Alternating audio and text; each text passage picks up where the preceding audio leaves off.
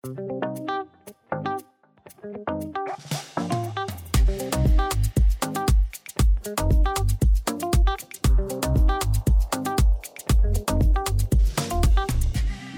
och välkommen till Stadsutvecklingspodden. Podden för dig som är intresserad av hållbar utveckling i allmänhet och hållbar stadsutveckling i synnerhet. I den här podden pratar vi om och väcker frågor kring allt som har med stadsutveckling att göra. Podden görs av Institutet för hållbar stadsutveckling i Malmö som är en samverkansplattform för Malmö universitet och Malmö stad.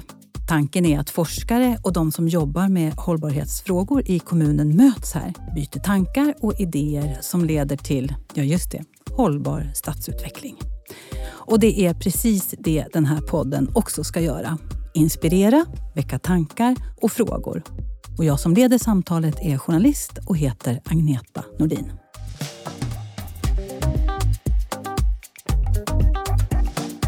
I det här avsnittet av Stadsutvecklingspodden ska vi uppmärksamma en jubilar. Nämligen Bomässan Bo 01 som invigdes för 20 år sedan.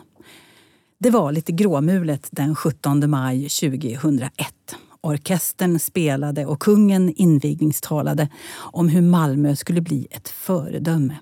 Ett mönster för hur städer och deras gamla industriområden kan omvandlas till attraktiva bostadsområden. Då hade det redan stormat en del kring bygget och tidningen Byggnadsarbetaren hade skrivit om skandalbyggen och förorenad jord. Idag får man väl säga att området blivit en riktig publikmagnet med stadsnära badbryggor och Turning Torso som inte bara lockar människor från andra stadsdelar i stan utan också besökare från andra städer och länder. Om tankarna och planerna kring Bo 01 och framförallt vad Bo 01 har givit Malmö ska jag prata med Per-Arne Nilsson som är strateg på miljöförvaltningen i Malmö och en av dem som var med i planeringen av Bo 01. Och så Karin Grundström som är professor i arkitektur vid Malmö universitet. Välkomna båda två. Tack. Tack så mycket. Ja, först Per-Arne. Minns du hur det kändes där vid invigningen den 17 maj 2001? Ja, tyvärr kunde inte jag vara med på invigningen för jag dels hade jag sjuka barn och dels så fick jag i uppdrag lite snabbt att skriva något svar på en debattartikel som hade varit om Bo 01. Så jag satt och petade i den hemma istället. Men hur var stämningen då kring invigningen av själva mässan, om, om inte den specifika dagen? Hur var det liksom i, i stan? Ja, det fanns ju stora förväntningar på, på Bo 01 men det fanns ju också en eh, debatt om Bo 01 liksom där en del tyckte att eh, inte det var någon bra idé att göra en bomässa och hade diverse olika kritik mot den. Så det var ju också en det var nog lite blandat beroende på vem man var och vad man hade för funktion. Men vi som jobbade med det såg ju fram emot det här och tyckte nu börjar det. Och nu, det hade varit ganska hektiskt liksom att få ihop det sista, in, in i det sista. Vad minns du då, Karin? Ja, jag var och eh, besökte bomässan och tittade på den. Och, eh, som jag minns, det var ju väldigt omdebatterat på, på många sätt. Alltså en, en kritik som framfördes var att det blev ganska dyrt att bo där. Det var ju lite, och att det låg lite långt ut, som Malmö såg ut på den tiden. Det har ju förändrats eh, över tid. Och sen kommer jag ihåg att de tankarna som var i luften då som handlade om att bygga varierat, att ha en ganska Eh, komplex urban form med lite högre hus ut mot havet och lägre innanför och små torgbildningar och så. Att det genomfördes mycket i stor utsträckning just eh, inom Bo 01-området. Hur kittlande var tanken på Bo 01 för en arkitekt? Alltså tanken på den här bomässan? Den var ju väldigt spännande. Det var ju många som eh, blev inbjudna, alltså olika kontor och eh, olika arkitekter som var med och planerade. Så, så att jag, som jag minns det så, så låg det ju, eh, jag tyckte det låg mycket i tiden då för de debatterna som var. Mm. Eh, som handlade om, eh, de handlade mycket om att eh, höja kvaliteten både på bostäder, lägenhetsutformningar men också på det urbana rummet. Så jag, tyckte, jag tycker det låg i tiden för, för, för, den, för de diskussionerna som var då. Man marknadsförde ju Bo 01 som att det skulle bli världens mest hållbara stadsdel. Hur blev det med det egentligen? Vad säger du Per-Arne? Alltså det, var ju en, det var ju en jätteviktig innovationsarena för hållbar utveckling på många sätt. Um, och en del lyckades väldigt bra och liksom förde utvecklingen långt framåt. Andra saker kanske inte lyckades men jag tror man lärde sig mycket även på det som, som inte blev lyckat. Och jag tror också att det är ju det som är lite av finessen med just en bomässa, att det är till för att väcka diskussion och debatt och pröva saker som man inte har kunnat, hade kunnat pröva annars. Att det får vara lite experiment menar du? Ja, absolut. Men också att det var jag tror det var ett väldigt, väldigt strategiskt projekt för Malmös utveckling, men det var också ett väldigt, väldigt strategiskt projekt för utveckling av nya lösningar. Så det var ju väldigt mycket forskning och innovatörer och eh, andra som fick en möjlighet att liksom vara med och studera det och titta på det och också komma med inlägg i det hela. Vad var det som blev bra då? Som du kände att ja, där gick vi i mål? Alltså det, med, det mest berömda var väl det här eh, konceptet med 100% lokal förnybar energi för, för Bio-01-området som ju blev väldigt eh, det blev ett föregångsprojekt för en hel utlysning i EUs ramprogram efter det och vi fick ett stort pris för det liksom bästa europeiska projektet. Sen tror jag att de här arkitektoniska principerna som, som um, Claes Tam till exempel stod för som var chefsarkitekt, att liksom um, att just det var mycket mänskliga dimensioner på hållbarhet samtidigt som det ju rent tekniskt skulle vara, ehm, skulle vara hållbart. Och det, det tror jag är många det var ju så Karin beskrev det lite här också, att många minns det nog så. Och tyvärr så är det ju så att det har ju inte riktigt replikerats fullt ut, vilket jag kan tycka är väldigt synd. För jag tror liksom man var på viktiga grundprinciper för hur en hållbar stad kan se ut och fungera som, som eh, jag tror det kommer lite nu. Eh, och det, det, ehm, vi hade någon diskussion med någon från Linköping och deras bomässa här för ett tag sedan som, som ju beskrev hur de var väldigt inspirerade av, av bomässan i Malmö också och försökte liksom ta det till nästa steg. Är det någonting som du tänker att ah, det var ju synd, där hade vi en ambition och en vision och så blev det inte så, vi gick inte i mål hela vägen?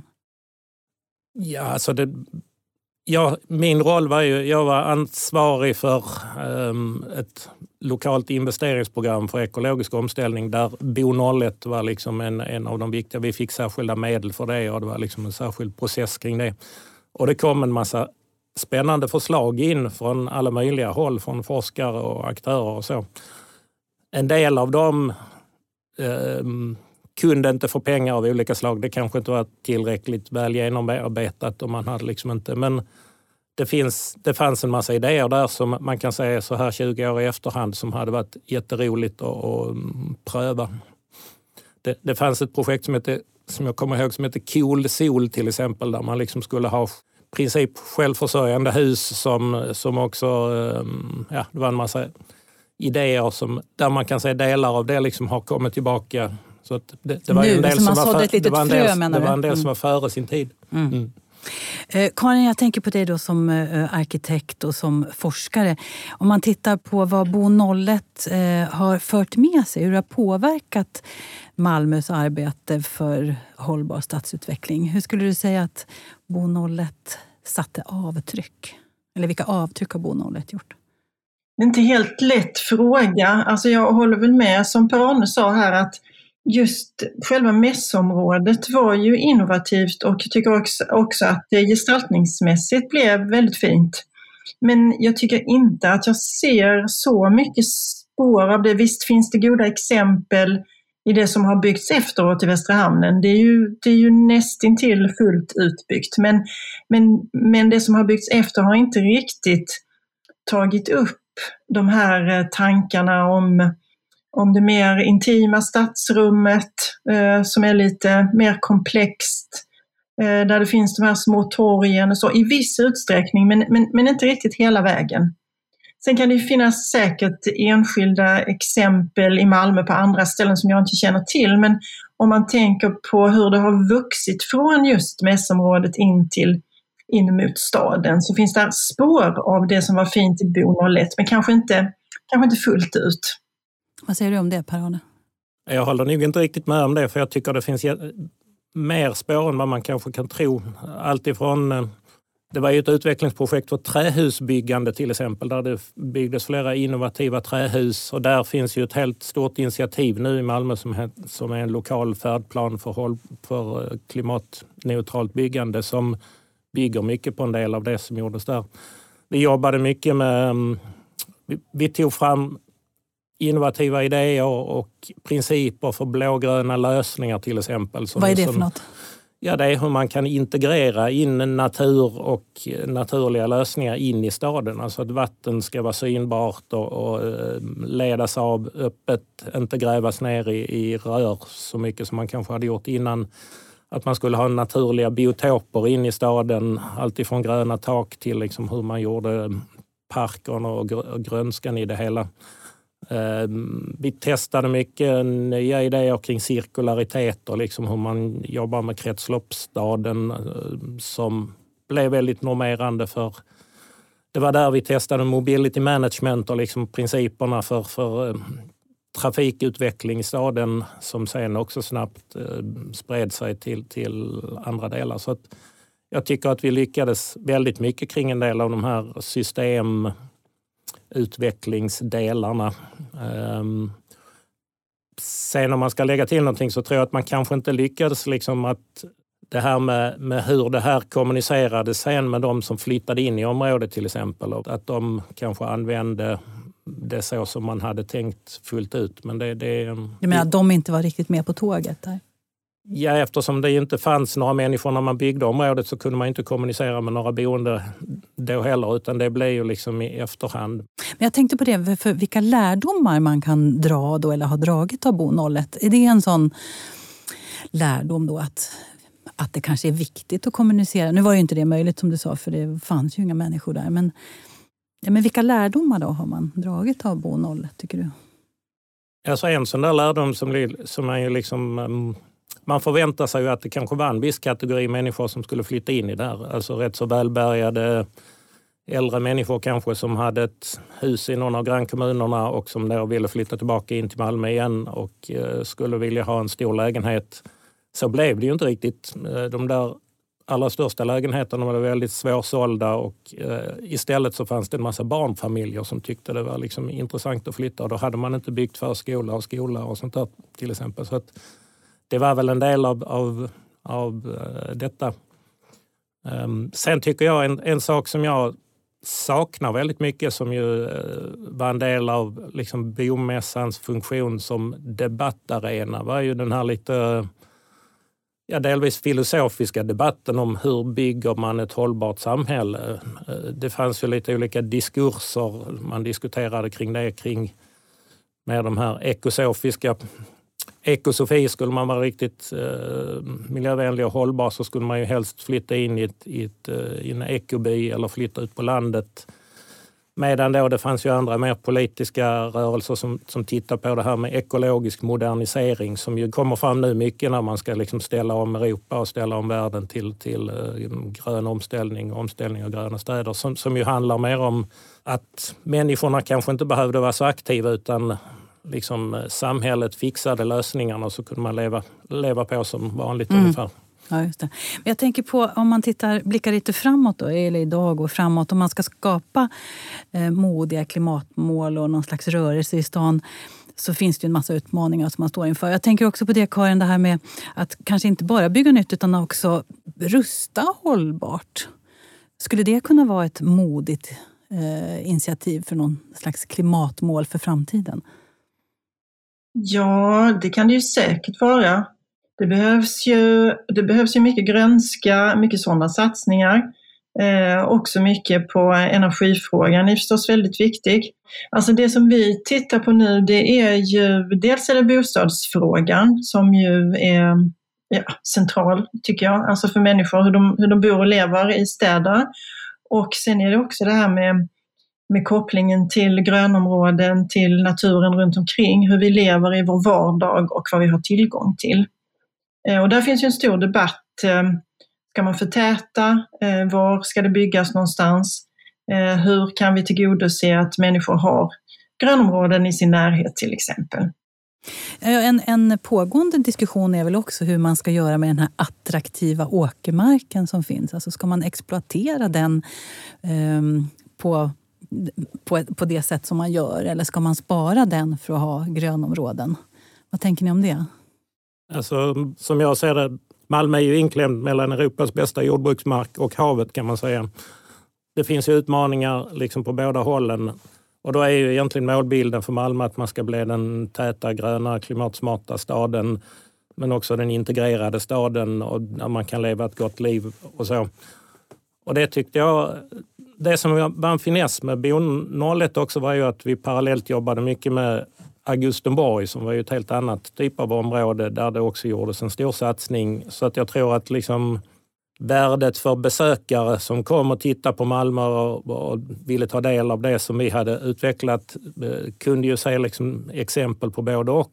Eh, där är ju också var delvis samma principer som man, man liksom använde. Att, att eh, jobba med blågröna lösningar, att integrera naturen in i staden. Att kanske inte som man kanske hade gjort innan, att man funktionsseparerade mycket. Att parken skulle vara där och bostäderna skulle vara där och industrin skulle vara där. Utan att, och det tror jag är liksom vägen framåt också. Att, att... Men är det realistiskt? Vad säger du om det Karin?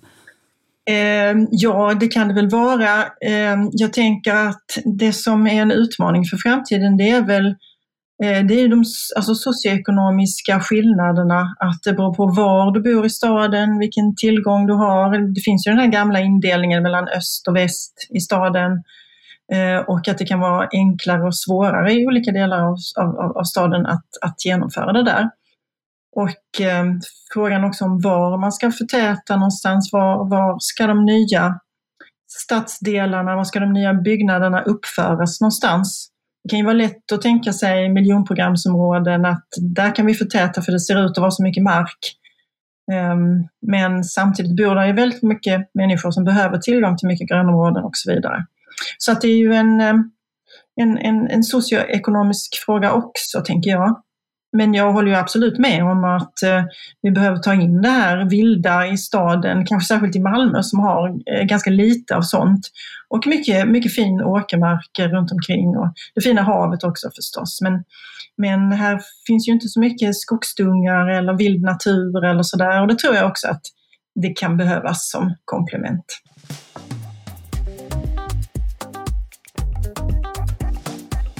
Du lyssnar på Stadsutvecklingspodden. Idag om bomässan Bo 01 som invigdes för 20 år sedan. Och jag pratar med Per-Arne Nilsson som är strateg på miljöförvaltningen i Malmö och Karin Grundström som är professor i arkitektur vid Malmö universitet.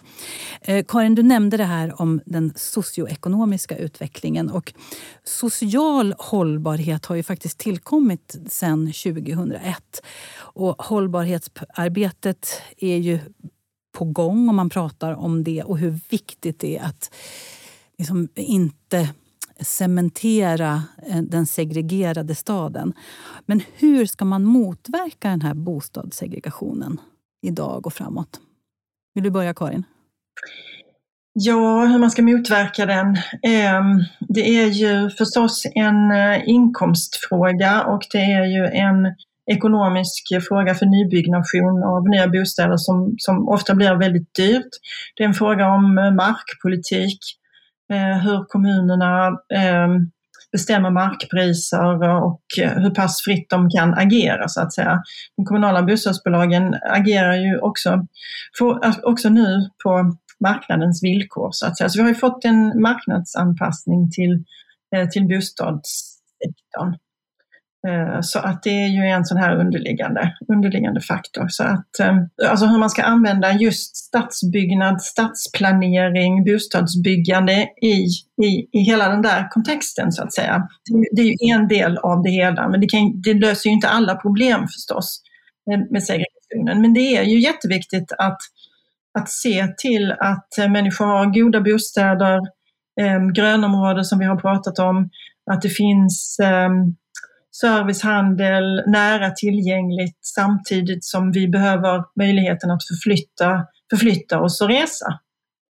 Eh, så det vardagliga, ta utgångspunkt i det vardagliga livet, hur vi bor, hur vi reser, eh, och hur vi kan ja, leva vår vardag. Gärna också nära, i, nära där vi bor. Det har vi sett nu under pandemin att det har blivit väldigt viktigt för många människor. Kanske många människor har upptäckt också sin närmiljö precis utanför sin bostad. Per-Arne, jag tänker på i Malmö stad så pratar man ju om ett helt Malmö och Malmö för alla och bryta sociala barriärer. Hur ska ni arbeta för det? Alltså jag, jag tycker att man ska jobba med ett kvalitetstänkande. Eh, liksom se möjligheterna och inte bara liksom titta på bygga billigare till exempel tror jag kan vara förödande. Det var egentligen det som ställde till hela problematiken att, att miljonprogrammets sätt att bygga bostadsområde var ju ingenting som kanske människor eftertraktade. Men då tror jag att man kanske också behöver jag håller med Karin om det. Att jag, jag tror liksom man ska fundera på vad är det människor vill ha och vad människor drömmer om och hur man kan erbjuda det på olika sätt till människor med olika möjligheter och förutsättningar. Och då tror jag att man behöver komma in på dels det liksom kring till exempel eh, utemiljöns kvaliteter, att erbjuda det på olika delar av Malmö. Eh, att man kan använda utemiljön för eh, som eh, Alltså öka tillgängligheten? Träningslokal, mm. man kan använda det um, för, för andra ändamål. Men jag tror också, vi jobbar, vi jobbar ju i ett område som heter Sege Park nu där vi försöker liksom ta en ny nivå till att bygga hållbart och klimatsmart. Men med lite nya principer där vi, vi jobbar mycket med delningsekonomi som är en sån här princip. Att man kanske inte behöver ha liksom allting själva, man kan dela mycket och då, då, då blir det mycket kostnadseffektivare samtidigt som man har tillgång till allt man behöver och kanske också kan ja, också integrera människor mer i, i, i, det, i vardagen. Så jag tror verkligen det här det, hållbarheten och det goda livet som, som möjlighet i den hållbara staden. Mm. Kan bostadsmässor då, som Bo 01 eh, vara ett redskap i riktning mot en, en helare stad?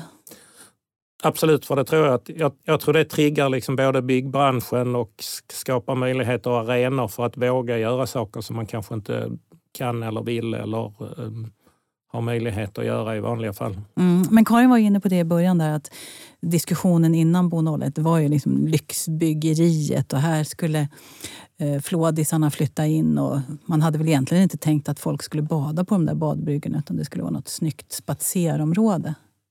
Ja, det var ju inte riktigt så. Men det var ju också ett sätt, alltså hela Malmös grundproblem. Malmö var ju, på 60-talet var Malmö en av Sveriges rikaste kommuner. Vi hade 30 procent eller 3 kronor mindre kommunalskatt än, än riksgenomsnittet. Alla hade arbete och så vidare.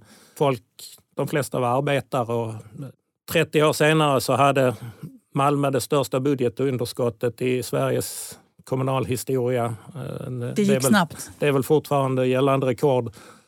Och grunden till det var ju inte industrinedläggningen i första hand utan grunden till det var ju gröna vågen. Folk ville inte bo kvar i Malmö av olika anledningar. Man ville inte bo i de här nybyggda miljonprograms områdena kanske man ville hellre bo i ett småhus i, i grannkommunen och så blev de omkringliggande kommunerna jätterika och Malmö blev blev fattigare och fattigare och istället så pendlar man med sin bil in till stan och så blev det liksom ännu mer luftföroreningar i staden. Så att det blev liksom en sorts ond cirkel och sen kom ju som sagt industrinedläggningarna som lök på laxen.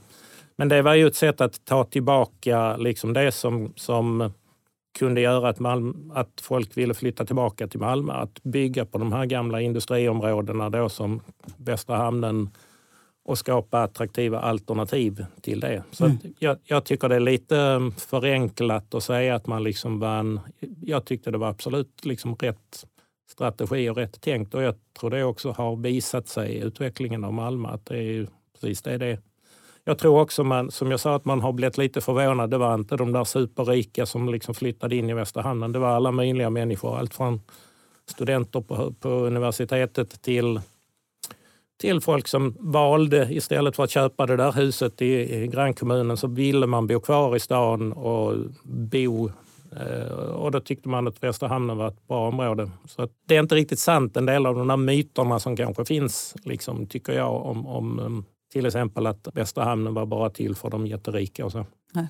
Eh, jag tänker på det som du var inne på inledningsvis Per om eh, Bo 01 som en experimentplattform. Och då tänker jag eh, för dig Karin, då, om man tittar på forskning kring en bomässa som Bo 01. Vad skulle du säga är den hetaste forskningsfrågan just nu inom stadsutveckling? Jag tänker att bostadsfrågan fortfarande är väldigt het, men på ett lite annat sätt.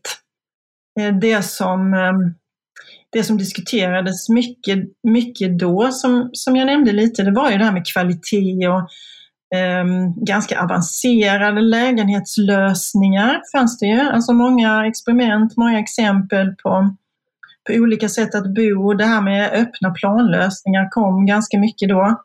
Eh, men också så här arkitektoniska kvaliteter, ehm, eh, genomsikt, ja, vackra bostäder. Eh, men den debatten som vi har idag handlar ju väldigt mycket om att minska ytor och att, att bygga mindre. Vi har, en, vi har en väldigt annorlunda debatt om det idag. Eh, och eh, också den här diskussionen då om att det är en hel del som hamnar utanför bostadsmarknaden så att säga. Hur ska vi... Är det, är det frågor som ni tittar på ur ett forskningsperspektiv också? Ja, det är det. Mm. Vi har ganska mycket bostadsforskning mm. Eh, hos oss på, på Urbana studier. Om du fick önska då, eh, ett nytt forskningsprojekt, vad skulle det vara? Vad är liksom hetaste, hetaste som du skulle vilja sätta tänderna i, eller du och dina kollegor? Ja, vi tittar också på det här med, med stråk och kopplingar genom städer. Det tycker jag också är jätteintressant. Mobilitetsparadigmet, om man säger. Vi har ju varit inne länge i det här att vi ska resa väldigt mycket, att det är högt värderat att kunna resa, kanske inte pendla varje dag, men det här man säger, globala livet, att jobba på olika platser, att eh, vi, vi, vi har tänkt att det ska vara regionförstoring förstoring, eller förstöring, vad man vill kalla det för, att man ska kunna bo längre och längre bort eh, och resa för att det är själva restiden. Men det kanske kan ändras. Eh, i och med när vi har valt oss kanske vid, vid det digitala så kanske det finns en möjlighet att, att människor kan bo kvar i lokalsamhällen istället för att, ja, man tänker sig det här att alla pendlar. Att just mobiliteten har varit så central så kanske kan vi tänka om något annat sätt på det i framtiden. Det tycker jag skulle vara väldigt spännande att titta mer på. Mm. Vad säger du om det Per-Arne? Låter det som något intressant för utvecklingen?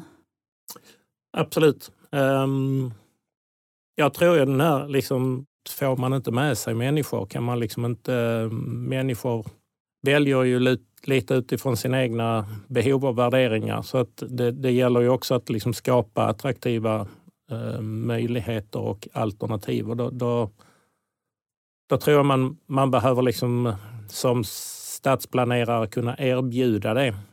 Och det tror jag för den delen att man skulle, man, man skulle kunna liksom göra väldigt attraktiva lösningar kopplat till en del av de här som vi idag betraktar som utsatta områden. Sofia Lund till exempel hade jag ett långt möte om igår.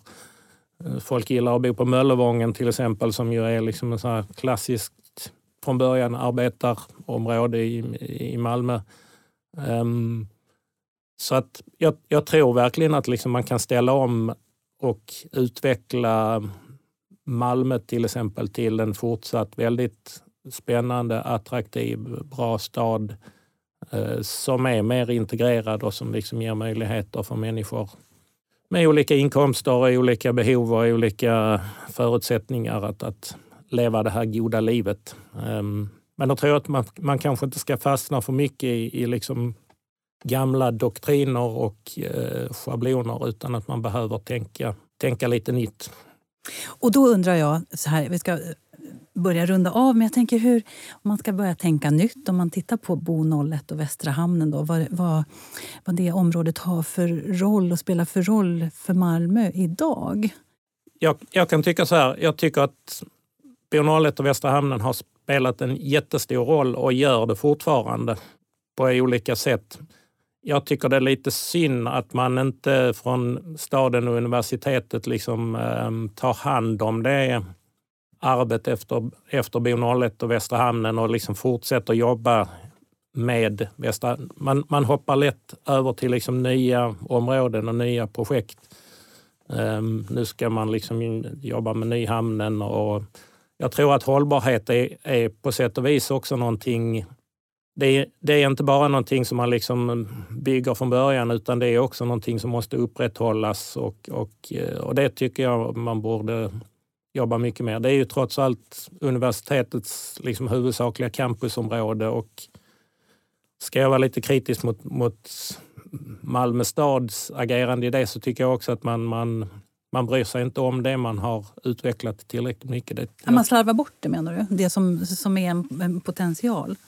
Ja, jag sitter med i en organisation som man kallar Västra Hamnen Habit All som är en sån samarbetsplattform mellan, mellan staden och, och, universitetet och olika aktörer i Västra Hamnen. Men flera förvaltningar ja, de, de får inte lov att vara kvar i det arbetet längre. Nu ska de liksom jobba med annat. Eh, mm. Och då, då, tycker jag att då blir det inte hållbart. Då tycker jag man luras lite också när man går omkring och säger att det här är ett av världens hållbaraste områden. För det är ju inte det. Det är inte 100 procent lokal förnybart längre i Bo 01-området till exempel. Man la ner det där eh, vindkraftverket som liksom var basen i det för att någon tyckte inte att det var så snyggt mm. att ha ett sånt i Västra hamnen eller i norra hamnen.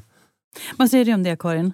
Rollen Eh, man slarvar bort, både Malmö stad och Malmö universitet slarvar bort Västra hamnen och Bo 01 idéer. Ja, det kan ju, alltså jag tänker att det kan, det kan delvis bero på en slags utmattning efter ett tag, tänker jag. Men jag tror att det, att det kommer tillbaka, att det var väldigt mycket fokus initialt. Jag tänker att ibland går sånt lite i vågor. Men vi gjorde faktiskt en studie för inte så länge sedan där vi tittade på stråk genom staden från öst till väst. Så vi gjorde lite undersökning där. Så jag, jag, jag, tror att det finns nog en del, en del studier och det finns ju vi har alltid studenter som kommer, vi har internationella utbildningar med studenter som kommer och många är fortsatt väldigt intresserade av Västra hamnen. Så jag tror att det finns, det finns kvar på agendan, det tror jag. Så vad skulle Men, du säga då att Bo 01 och Västra hamnen har för roll, eller spelar för roll för Malmö idag? Från universitetets perspektiv eller från vårt ja. perspektiv. Ja, från universitetet. Ja, så är det ju ett, ett exempel på den, på den tidens satsningar, på den tidens idéer som var precis i ropet då.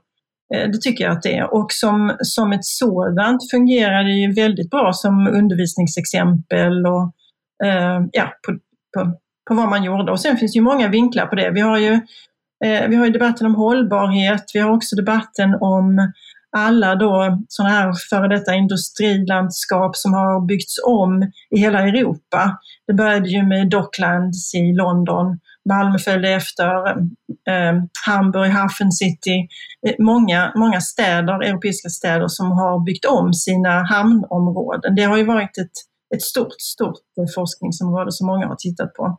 Ur olika perspektiv, vad betyder det för Alltså ekonomiskt, vad betyder det miljömässigt eh, och så vidare. Många, många sådana områden har ju blivit, eh, ja, kanske sevärdheter på, på, mm. på, på gott och ont, men från flera mm. perspektiv. Så att mm. Eh, jag tycker det, det, finns, det, fin, det finns kvar. Om ni kort då får önska någonting för framtiden när det gäller hållbarheten, Per-Arne?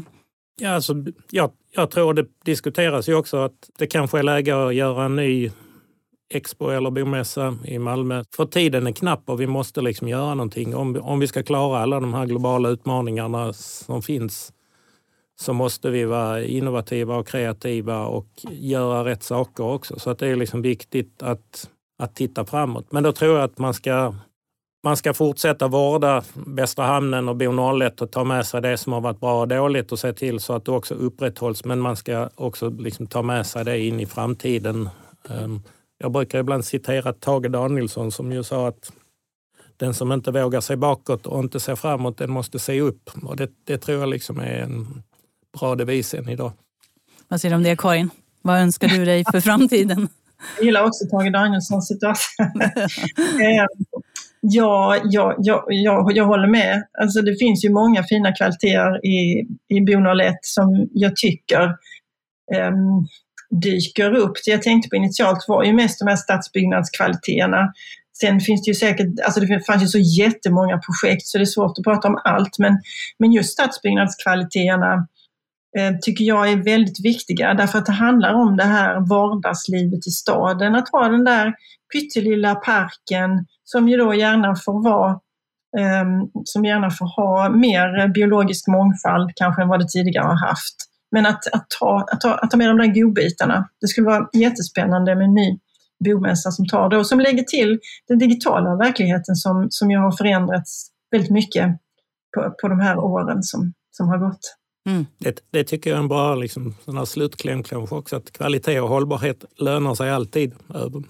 Jag, jag, tror det är liksom rätt strategi.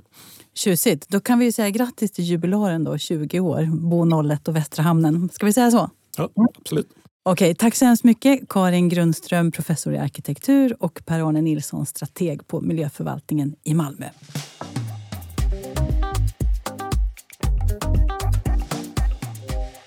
Stadsutvecklingspodden görs av Institutet för hållbar stadsutveckling i Malmö.